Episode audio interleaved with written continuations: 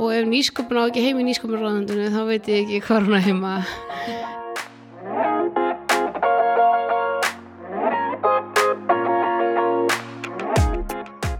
Þú ert að hlusta á hlaðvarpið Konur í nýsköpun. Ég heiti Alma Dóra og ég elska að tala við framhúsgarandi konur í nýsköpunarumhverfunu til þess að fjölga fyrirmyndum og auka sínilega þeirra. Styrtaræðila hlaðvarpsins eru Origo og Framvís samtök vísis fjárfesta á Íslandi. Áslögarna Sigurbjörnsdóttir er vísinda, yðnar og nýsköpunar á þeirri Íslands. Hún er ung kona sem hefur sannarlega sett sitt mark á íslensk stjórnmál og undarförnum árum og vinnur nú við að byggja glænýtt ráðuniti með nýri nálgun og áherslu. Áslög rætti við mig um sína vegferð, mikilvægi fjölbreytileikans og forgangsröðunar og hvaða er mikilvægt að sækist eftir tækifærunum og láta það ekki á sig fá þótt manni mistakist. Þetta er þátturinn Við erum að hjálpa hugmyndum að fljúa með áslögu örnu.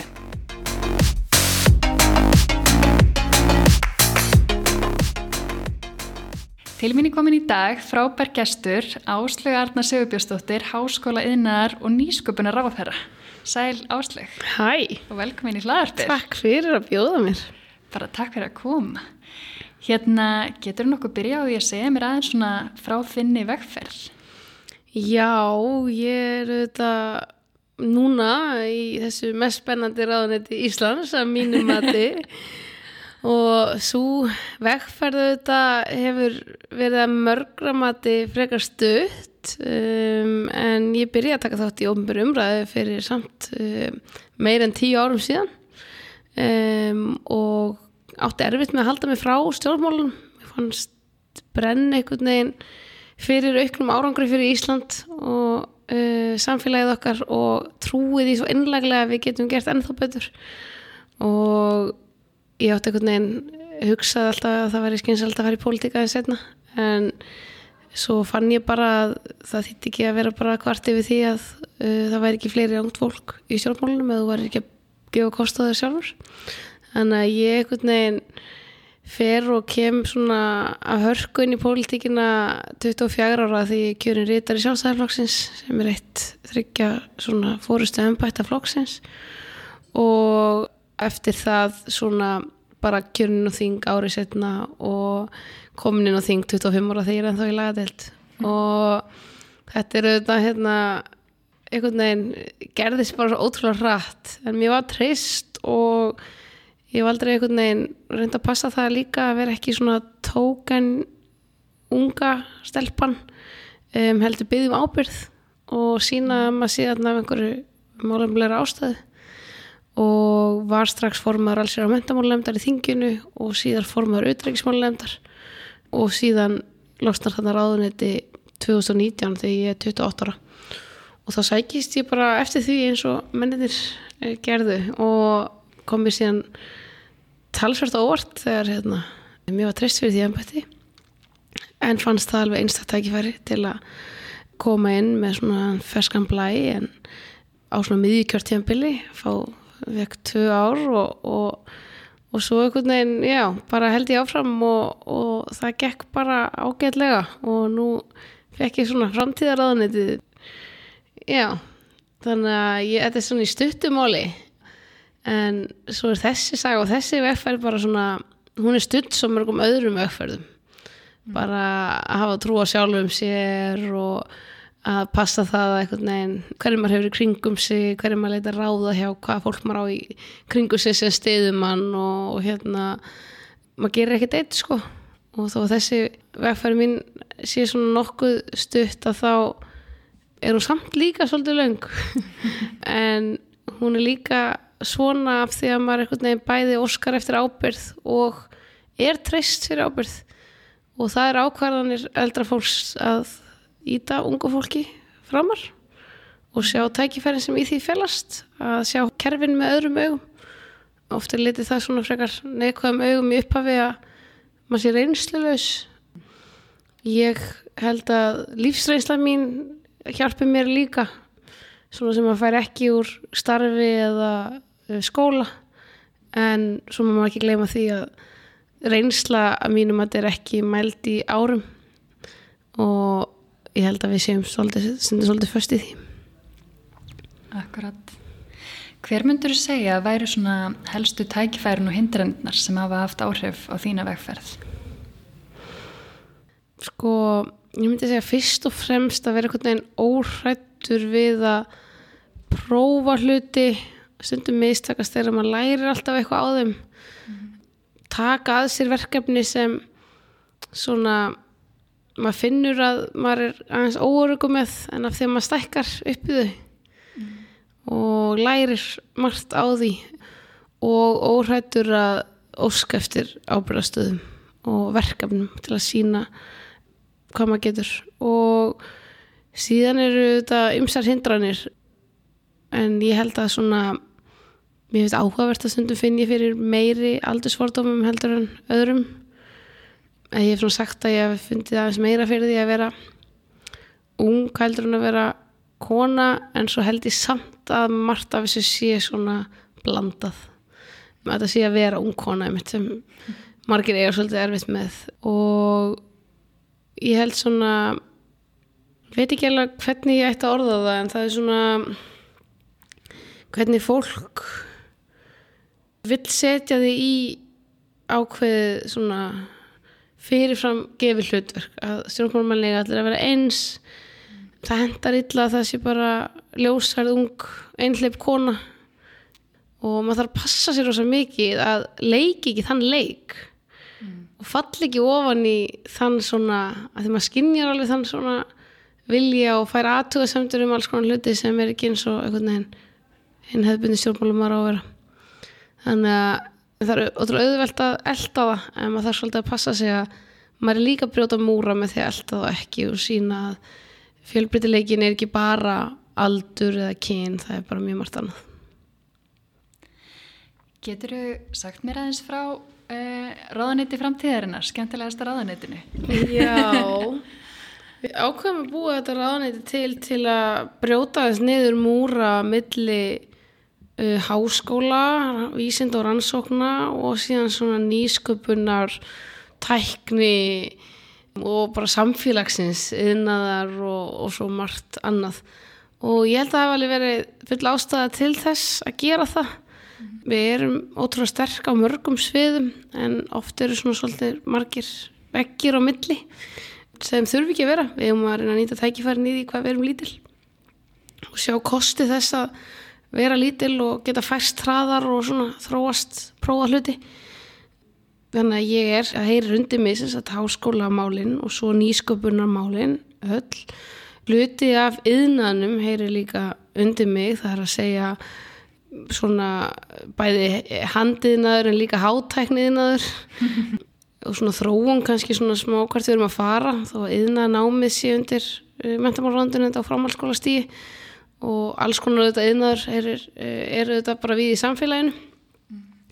En svo er ég líka með upplýsingatæknina og fjarskiptin og neturyggið og geimin og gerfigreind og, og það er svona þess vegna sem ég segi stundum ráðanetti framtíðarinnar að því að það eru auðvitað bara svona endalista málum sem eru bara öskra á bara hér eru tækifæri. Og það er svona tvent sem maður þarf að passa það er bæði að búa til þannig umhverfi að, að maður búi til tækifæri fyrir fólk og, og maður svona sé styðjandi umhverfi sé styðjandi. Menn á sama tíma að maður sé ekki fyrir og kerfið sé ekki fyrir. Og þetta er alveg svona finnst mér mjög mikilvæg mantra í stjórnmálum af því að stjórnmálumenn eiga það til að vilja leysa allt með sínum eigingjörðum en stundum eða myndi bakka og minga regluverk eða einfalda hluti að þá verður reyna að hjálpa til meira og leifa fólki að því að það sem maður hefur kynst og það sem fólk þekkir sem hefur kynst nýsköpunar heiminum á Íslandi hugmyndi fólks eru óþrjótandi og það er myndið þannig umhverju sem koma oft bestu hugmyndinar en ekki innan úr kerfinu sjálfu mm. og ég stundum líki þessu við að við erum að hjálpa hugmyndum að fljúa og sumar munum fljúa svo hátt að þeir borga okkur markvælt tilbaka. Og við hefum síðan svo mörg þannig dæmi. Og erum alltaf að sjá fleiri þannig dæmi á Íslandi. Og við þurfum bara og við eigum eiginlega ekki efna á öðru en að verða meira þekkingasamfélag ég held að pólitíkusar hafi talað um það í, bara lengur en ég verið fætt að við þurfum að setja ekkin í fleiri körfur. Og það þýði það auðvitað að við séum ekki bara að stóla á auðlindadryfnar útlutningsgreinar eins og ferðarþjónustu eða sjávarútveg. Maður veit aldrei hvað gerist. Og við stjórnum því ekki en við stjórnum þekkingunni og hugvitinu og ég sé bara að það er svona ég segi stundum að það hefði kveiknað svolítið á perunni í COVID gagvart þessari stóð og hvað hún getur verið stór. Hugverkaðin það var starri en sjávarútveg til dæmis 2020 mm. og í því eru bara endalust tækifæri sko. og ég lít svona á mitt hlutverk mína svona köllun sem er almennt bara meiri árangur fyrir Ísland og að nýta ennþá betur tækifærin eh, sem eru hér til að búa til betra samfélag að það er svo stór partur af því að tryggja betri lífskeiði og fleiri tækifæri fyrir fólk að við séum með sterkari og fleiri útlinstekjur og það stundum svona hljómar svona ekkert mjög sexy en það er bara raunverulega þannig það skiptir öllu máli fyrir okkur til framtíðar. Og á sama tíma eru bara stærstu áskoranir sem við okkur mæta kostin það er loftlagsmál eða bara þróun heilbríðiskerfa vegna öldruna þjóða og ímessa áskorana að við getum ekki leist þessi stærstu vandamál án þess að e, nýta nýskopun og nýja lausnir. Þannig að mér finnst verkefnið mjög stórt en mjög spennandi. Mjög spennandi en svo svona stundum er eitthvað sem fólk skilur ekki verið áðurindið þá þarf það bara líka að spyrja eða er eitthvað svona sem maður þarf að útskýra betur. Akkurat. Ég ætla akkurat að spyrja um, hvað þú myndi segja gerði þitt uh, ráðaneyti einstökt Já, ég held að sé mjög margt sem gerði það einstökt en ég lagði líka ótrúlega mikið upp úr því að ég ætlaði ekki einhvern veginn að fara inn í eitthvað svona mótkerfisins. Og ég upplýði það auðvitað alveg því ég kem ungen í ráðuniti að ég þyrti svolítið að læra inn á kerfið. Það er að segja að ég þyrti að verða eins og kerfið. Og ég þyrti bara að skilja það og passin í svona þann struktúr. Svo áttaðum hlutlega á því að sá struktúr er bara ekkert að virka fullkomlega. Hann getur bara að virka miklu betur og að mér leiði ekkert mjög vel inn í þeim kassa þá ímis svona tækifæri til bætinga. Og það er ekki síst þess vegna sem 1. februar þegar ráðunitið er stofnað formlega að ég set mér það markmið að það sjáist á ráðunitinu að það sé stofnað árið 2022 og ef nýsköpun á ekki heim í nýsköpunarráðunitinu þá veit ég ekki hvað hún er heima. Og við erum búin að taka svona mörg skref og erum ennþá í vinnunni gagvart því hvernig ráðuniti virkar.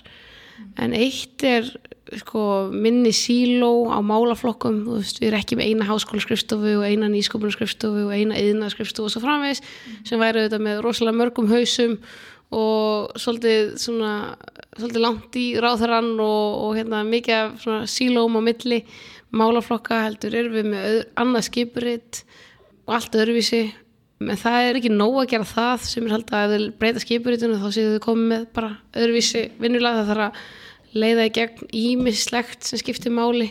Það þarf þóra að hugsa út fyrir bóksið það þarf að við vinnum í svona sprettum eða lótum með gagvart öllum verkefnum. Við erum búin að funda með alþjóða fyrirtækjum um svona ímsa stjórnunar leiðir sem ég verið að taka upp og, og reyna að laða stjórnkerfinu.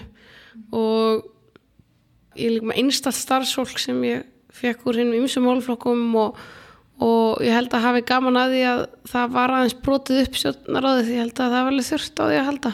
Mm. og svona nýnalgun aðeins á hvaða málaflokkar eigi saman sé alltaf að hennu góða. Það er bara eins og í fyrirtækjum. Stundum þarf það aðeins að breyta upp struktúrnum til að ná meiri dýnamík og setja hluti saman sem eiga að virka betur saman. Mm.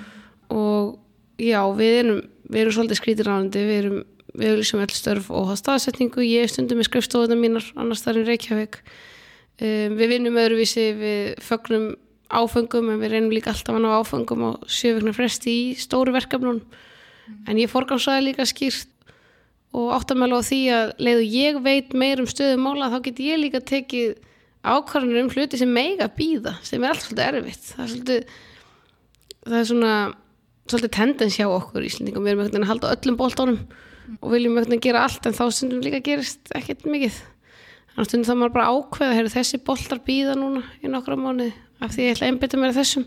Svo þegar þeir eru búnir þá tek ég hérna og það er svolítið erfitt af því að þegar maður er stjórnmálum þá langar maður að gera allt bara. En á sama tíma þá þarf maður að átta sig á því hvað svona er mikilvægast til að ná nær markmiðinu mínu. Og ég setti líka sem er örglega einstakt ég hef allavega ekki hýrt að því áður sínina mín í eina setningu og allir bara vita hvert við erum að stefna. Og það er miklu lengri sín en eitt kjörtíðanbel sem ég er slíka mikilvægt. Að við séum ekki alltaf bara að hugsa um tímabil stjórnmálumanna heldur við erum bara að hugsa um Ísland. Og þegar við segjum það þá meina ég að sko sínin mín sem kom í einna setningu og kynnti fyrsta februar var að líkillina bættum lífsgæðum og fleiri tækifærum væri að hugvitið er í stærsta útlutningsgræn þjóðarinnar og ég veit að það er næst tæflega á mínu gjörtífambili en við hefum að gera allt sem í okkar valdi stendur til að nálgast það markmið. Mm -hmm. og þá gerir það líka forgarsögun auðveldari. En þá verður líka sumir að skilja að suma hluti mun maður ekki gera eða gera setna mm -hmm. Ég verður að segja að það eru alveg nokkur hlutir sem minna á bara raugstu startups í þessu. Já Já, það er alveg líka þannig sem maður er að hugsa bara byrju hvernig reyfa sig þú veist, bestu fyrirtækin og líka bara svona fólk sem er að hugsa út fyrir bóksið og það er alltaf smá áskorun að hugsa út fyrir bóksið og prófa nýja hluti sem verða umdeldir ég meina ég auglísi starf sem var ekki gerð krafa um íslensku kunnáttu staða tölfræðings. Og það fór alltaf hliðina í nokkra daga. Af hverju ger ég það? af því að ég held að sé mikilvægt að stjórnkerfið eins og aðrir bjóði erlenda aðla sem búa hér velkomna. Og ég held að það sé engin betri kvati en að læra íslensku en að komast inn í samfélagið. Og ég held að svona jákvæði kvatar séu miklu að við getum frekar stuttu manneskjörnu að læra íslensku. Af því þetta er staða sem var ekki að búa til eitthvað efni eins og gerði krafum að allt efni frá ráðunitum er á íslensku og það átti ekkert að ég var ekkert að fara að brjóta þau lög en á sama tíma þá held ég svona jákvæði kvatar hvort fólki sem býr hérna með okkur og kann ekki íslensku séu betri heldur en það að bara þetta séu bannað.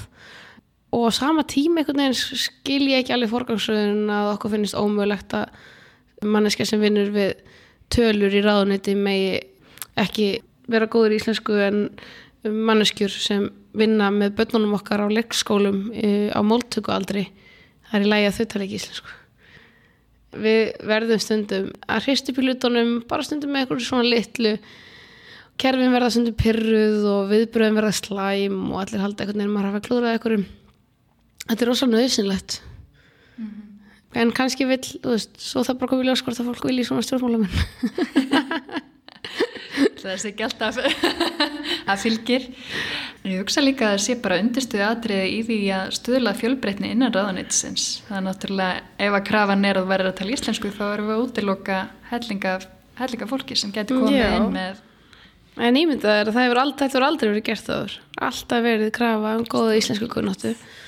Og ég skil og ég er mikill talsmaður þess að við varvitum íslenskun okkar og ég er með engum hægt að segja að hún sé orðin ómerkilegri eða að við um ekki að leggja mikið upp úr því að það sé að við náum stafræðni þróun varandi máltækni að tungumólað okkar sé virt að við höldum í það. Og það er áskorun með hverju árinu með við þá þróun í heiminum sem er að verða á hvernig börnin tala orðið saman og hvað þau horfa á og sjá og, og annað. En á sama tíma þurfum við að horfa á tækifæri og í því að auka fjölbreytileika um, en ekki síst að búa til svona jákvæða kvata sem ég held að verði leiður komin inn í vinnustaf þar sem uh, allir nema þú talir íslensku að þá auðvitað skapast miklu meiri kvati til að gera slíktið sama sko. Akkurat Ertu með fleiri dæmum um það hvernig svona fjölbreytni og, og jöfn tækifæri spila hlutverk í ráðanitinu? Já, eitt er að því þegar við ráðum fólk að þá fáum við verkefni nafnlaus mm. uh, Ísland er svo lítið og það er svo auðvelt að lesa verkefni með glerugum þess sem er að sækjum þó þekkir ekki manneskinu bara kyn og aldur og reynsla og alls konar mm. og þetta hefur reynst okkur gríðilega vel í ráðningum uh, í þau störu sem hafa losnað og þetta er held ég, ef ekki hýrt að þetta sé gert oft eða við það en uh, hefur einst okkur vel alveg frá upphafi og ég hef gert þetta frá allt af því bara einhverjum sérfræðingum, upplýsingafulltrúa ráðnættistjóra, hérna hvort sem það er nýsköpun, háskóli hérna, um, skrifstofustjórar uh, og sérfræðingar á öllum þessum sviðum um, og það er svona dæmi um mikilvægi fjölbreytninni á vinnustanum að horfa á ums umsóknir og verkefni með þessum augum mm -hmm. síðan er það líka varandi stjórnum og fjármagni að tryggja betra gagsægi og jafnbræði gaggar því hverju geta leita til ráðunitis eftir peningum. Og mm, svona þess hugsið nýsköpun á heima út um allt og það er eitt er nýsköpun í matvælaþróun og annað er heilbriðis og það er í umhverfismálum og og, og svo framvegis og það er í öllum máluflokkum þannig að það getur hérna átt heima allstaðar og svo er það háskólanir að, að sækjum eða hérna, undirstofnarnir þeirra í hinn ymsu verkefni og, og mér er mjög umhugað og er búin að vera að taka skrif í það að þetta sé aðeins gagsæra uh, og það sé meira jafnbræði gagvart þeim fjármagni sem er í bóði frá uh, á grundalli samninga í ráðunitun og svo um, eru svona ímispúsl sem held ég stuðla því að það sé bara menningin skiptir greiðlega máli innan vinnustæðarins mm. og að við tökum góðafundi og við um, áttum okkur á því hvernig menningu viljum hafa og hvernig menningu viljum ekki hafa og setja ekki allt til dæmis í starfsópa mm. starfsópa eftir starfsóp og ná skýslu sem er búin að búa til og svona uh, við erum svolítið föst í því að allt, allt öll verkefni séu leist best hannig. En ég, ég er búin að vera að bóða svona vinnustofur þar sem eru bara það fer eftir hvernig hvort þetta sé stórar hugmyndir eða bara aðgerði, aðgerði sem þarf að móta útrókaggnum sem eru til að þá erum við í svona einu, halvan til þrjá tíma mm. um, og fáum fullt af fólki á borðinu og, og, hérna, og reynum að hugsa þess lengra og starra og fá alveg út úr þannig vinnustofu í staðin fyrir að taka einhverja tíu stýrihópafundi á heilu ári og, og búa til enn aðra skýslu þannig að um, það er svona ímislegt mörg púsl sem við erum að reyna púsla og, og engin stimpilflukka að treysta fólki og, og opin vinnur í möðu þetta og svona meiri sveganleiki held ég að skapi bara þannig vinnu umhverfi að við getum svolítið færst hraðar nær markmiðinu. Akkurát Nú eru svona ákveðin kynjabundi vandamál í nýskupuna heiminum eins og bara að konur er í miklu minni hluta og fá minna fjármagni og, og annað. Hvernig eru þeir svona að, að stuðla jákvæðum áhrifum á þessi vandamál eða þessa punta? Mm -hmm. Það er svona ímislegt sem við erum búin að vera að skoða og reyna að greina stöðuna svolítið betur. Hvar við getum stutt við, hvar er umhverfið að ekki nógu kannski velkomið gagvart konum og, og það hefur verið bara mikil umræða bara þessu ári finnst mér, minnst þú svona hafa svolítið gjörbreyst, svolítið nálgunin og umræðan hvað við þurfum að gera. Og ég held að það sé ímist tækifæri en það er líka svolítið erfitt að fyrir ráðunindastígin sem er bara almennt að halda utan um endurgræslu rannsóknar og þróunar sem eru almennar aðgerðir kríu sem bara fer mikið til sjóða sem konur eru í forsvari en við þurfum svolítið að átt okkur á því hvar hérna, hvar likur vandin og, og Rannís var með mjög áhugaverð málþing, sérstaklega um tækni rannsóknarsjóð. Uh, þar kom upp ímsar hugmyndir og mér fannst svoleiðis fundur mjög góður af því að það sem enkendi það var eiginlega, það er engin svona einlaust og það er aldrei einlaust á floknum vandamálum. En við þurfum að stíga kannski ímisskref og gagnatorkið bara það að sína hvernig árangurslutvall er millir kynja og staða þetta veitir meira gagsægi gagvart stuðningi. Og ég held síðan að við höfum kannski líka haft svolítið svona staðal ímyndir gagvart hver er svona frumkvöðul ég allavega hef spurt svona nokkra bara hver er frumkvöðul fyrir þér? Og hérna en það breytist og við eigum svo fáranlega sterkar fyrirmyndir sem eru konur í nýskupun og þú er nú verið að sína margar þeirra hér og tala við uh, ótrúlega flotta konur. Og síðan þarf þetta líka að tengjast inn í háskóluna og mentunina í ákveðnum greinum. Mm. af því að við sjáum orðin mikinn kynja halla almennt í háskólanum. Um, það er 70% held í konur útskrifaðar hérna núna úr háskólaumhverfinu en svo er myndin algjörlega öfug þegar kemur að tækningreinum og það er líka rosalega mikilvægt að eins og maður þarf að huga því talandum mörg púsl að þá þurfum við líka að huga því að tæknithrónasjóður og stuðningur hins ofinbæra við nýsköpun snýst ekki bara um tækni snýst um mjög margt annað. Snýst líka um skapandi greinar.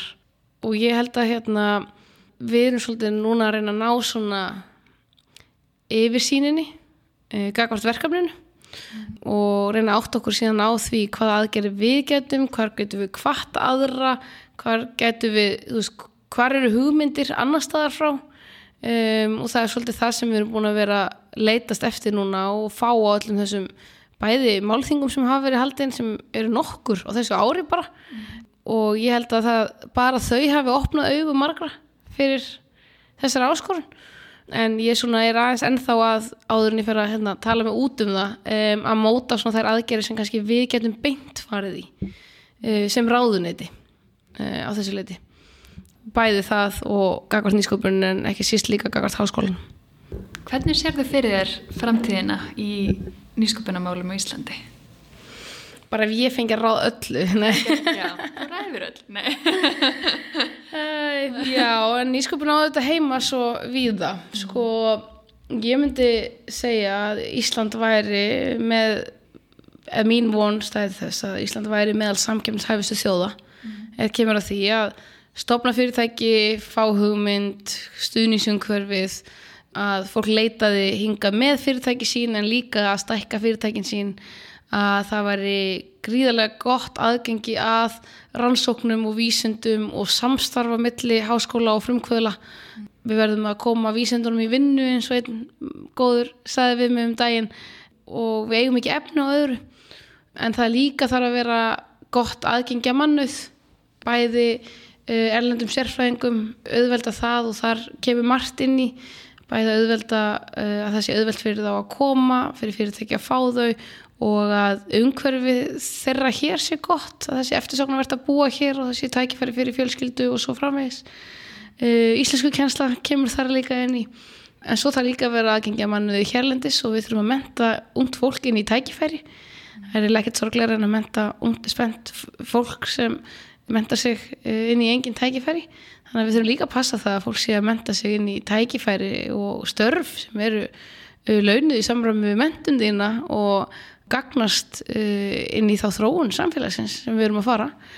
Ég sé fyrir mér að yðnaður sé bara sjálfbærastur í heimi á Íslandi að öllu leiti að við getum stíið stórskref í að vera fyrsta landi sem er svona bara gigabitaland í heimi sko þar sem bara getur unni hvað sem er og getur þróað fyrirtæki hvað sem er og getur verið með upplýsingatekni fyrirtæki hvað sem er. Og er bara í örugum höndum þar sem eru sterkir innviðir en og þú getur svolítið svona gripið tækifærin út um allt land. Og það skiptir líka máli að eins og að horfa fjölbreyttina varandi öll kyna þá þurfum við líka að horfa fjölbreyttina gagvart landsbyðinni mm. Og ég held bara að ef hugviti verður stærsta útlæningsstóð þjóðarnar að þá verða til svo mörg spennandi störf. Bæðu getur skapað einn eigin einhver störf sem við bara gætum ekki nefnt í dag að því við þekkjum þau ekki. Mm. en líka að það verða hér til þekkingar fyrirtæki sem eru með lausnir á stærstu vandamálum heimsins. Og ég er bara þannig trú á Íslandi að við sjáum nú þegar þannig fyrirtæki sem hafa verið að gera ótrúlega hlutuð um allan heim og ég held bara að, að við eigum að þóra bara að horfa mjög stort og vera mjög metnafull mm. en svo þetta gangi að þá þarf fólk líka átt að sjá því að samkjömsæft umhverfi svona fyrirtæki að snýst líka um það að fólk sé frjálst að það sé gott að búa á Íslandi það séu tiltölulega sankjöfnishæft skatta umhverfi mm. maður skattar séu ekki á háir og, og hérna að það sé hvetjandi að gera vel og þá þurfum við líka að þóra að forgámsraða og það verður alltaf meiri áskorun eftir hvernig að því að verkefnum verðist bara að fjölga. En leiðu við sköpum meiri verðmætti að þá er það líka auðvildara Það kom spurningur sál af Instagram. Mm -hmm. um, hvað þú myndi vilja segja við 20 ára áslögurnu? Við 20 ára áslögum Já, sko, 20 ára áslög, hún, ég held bara, hafði trú á sjálfu þér, sko, og, um, og ekki, sko, ég held að það sé rosalega góðu kostur að það hljómar sér má svona eins og maður sé slugsi um, en svona maður má ekki vera mikla fyrir sér smærri hluti ég veit ekki alveg hvernig ég orða þetta best en ég er svolítið bara svona að læra það the hard way en bara svona að njóta lífsins og passa sig að það bara er í boltar sem þetta og ekki álasa sjálfur þér fyrir það. Þú veist, það eru allir að gera sitt besta og þú verður að velja boltana sem þú ætlar að halda og það er bara ótrúlega gott að finna svona frið í því að vera smá sama um fullt af hlutum. Og hafa ekki skoðanir á öllu og það skrítið að heyra stjórnmálumann líklega að segja það að því ég vinn við að hafa skoðanir. En þá meina ég líka bara svona að þú stundum bara nærmar ekki að svara öllum sem maður ætlaði að svara í vinnunni. Og mér finnst það alveg leðilegt ég er svona, þú veist, en ég er að reyna hérna, en ég verð bara að líka hugsa um það að ég er að forgáðsraða og ég mun aldrei komast yfir allt tölvupost, hérna, allir sem er að hlusta og hafa sendt mér tölvupost, ég bara ég kemst ekki yfir tölvupost hérna, og þá eitti ég ómældum tími það sem kannski ætti að fara í eitthvað annað og, og ég sé alltaf fyrir mér að ég taki einhvern tíma einhver svona tvo daga og lesi bara tölvupostin en hérna, um, en svo er ég hugsa bara, heyrðu, þú veist, ég ætla ekki að álasa sjálfur með það. Og ég held að þetta sé rosalega í dag er þetta rosalega góður eiginleiki að geta þetta, en ég þarf að gera þetta hverjum degi, af því að ef við hugsaum okkur lífið nú er ég hérna farin að tala með höndunum en það er líka að gera í, í ráðundinu sko. Um, og gagvar sjálfur mér, persónulega hvað er mikilvægt og hvað er áriðandi ef þú ert þú veist, þú getur ekki hérna eh, íþyngt sjálfrið þér uh, með málum sem eru hvorki mikilvægni áriðandi en það er fullt af málum sem eru þannig. Og það getur verið að hérna, þú veist, hafa skoðun á því einhverjum minni háttar málum sem kom upp í, í, í lífiðinu. Um, eða bara hafa það ekki. Um, og svo eru mál sem eru mikilvæg en ekki áriðandi og það er ótrúlega mikilvægt að gleyma þeim ekki. Og svo eru alls konar mál sem eru áriðandi sem eru uh, sum mikilvæg og sum ekki. Og hérna og það er bara alltaf læg að missa ykkur á bolta.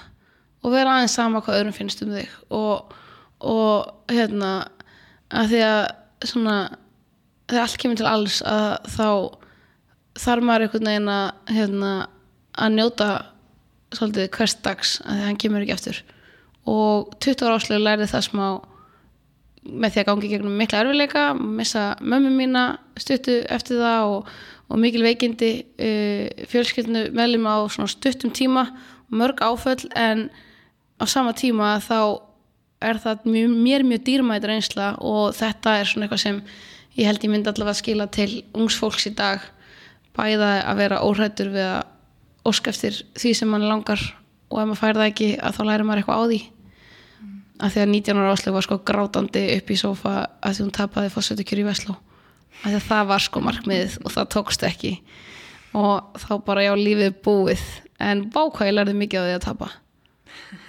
Þannig að muna það einhvern veginn að, að þó maður sækist eftir ykkur og fá það ekki að maður læri mikið á, á því líka. Og það mun gagnast mann ekkert tíma setna Akkurat. Er eitthvað sem að þið langar við þetta bæta að lókum? Nei, ég held að þetta hafi verið svona áslögar lífsrand í lokin. Sem maður er alltaf að reyna einhvern veginn að finna út og mér finnst bara að það er svo ótrúlega magnaða konur uh, sem ég er búin að kynnast á undanfjörðum mánuðum í nýsköpuna heiminum og hvar sem þar eru hvar sem þar, hvar sem þar eru í tengslum við skóla umhverfið eða frumkvölu umhverfið eða tækni umhverfið eða bara í stórum fyrirtækjum eða bara í stuðningsumhverfinu eða fjármögnu umhverfinu.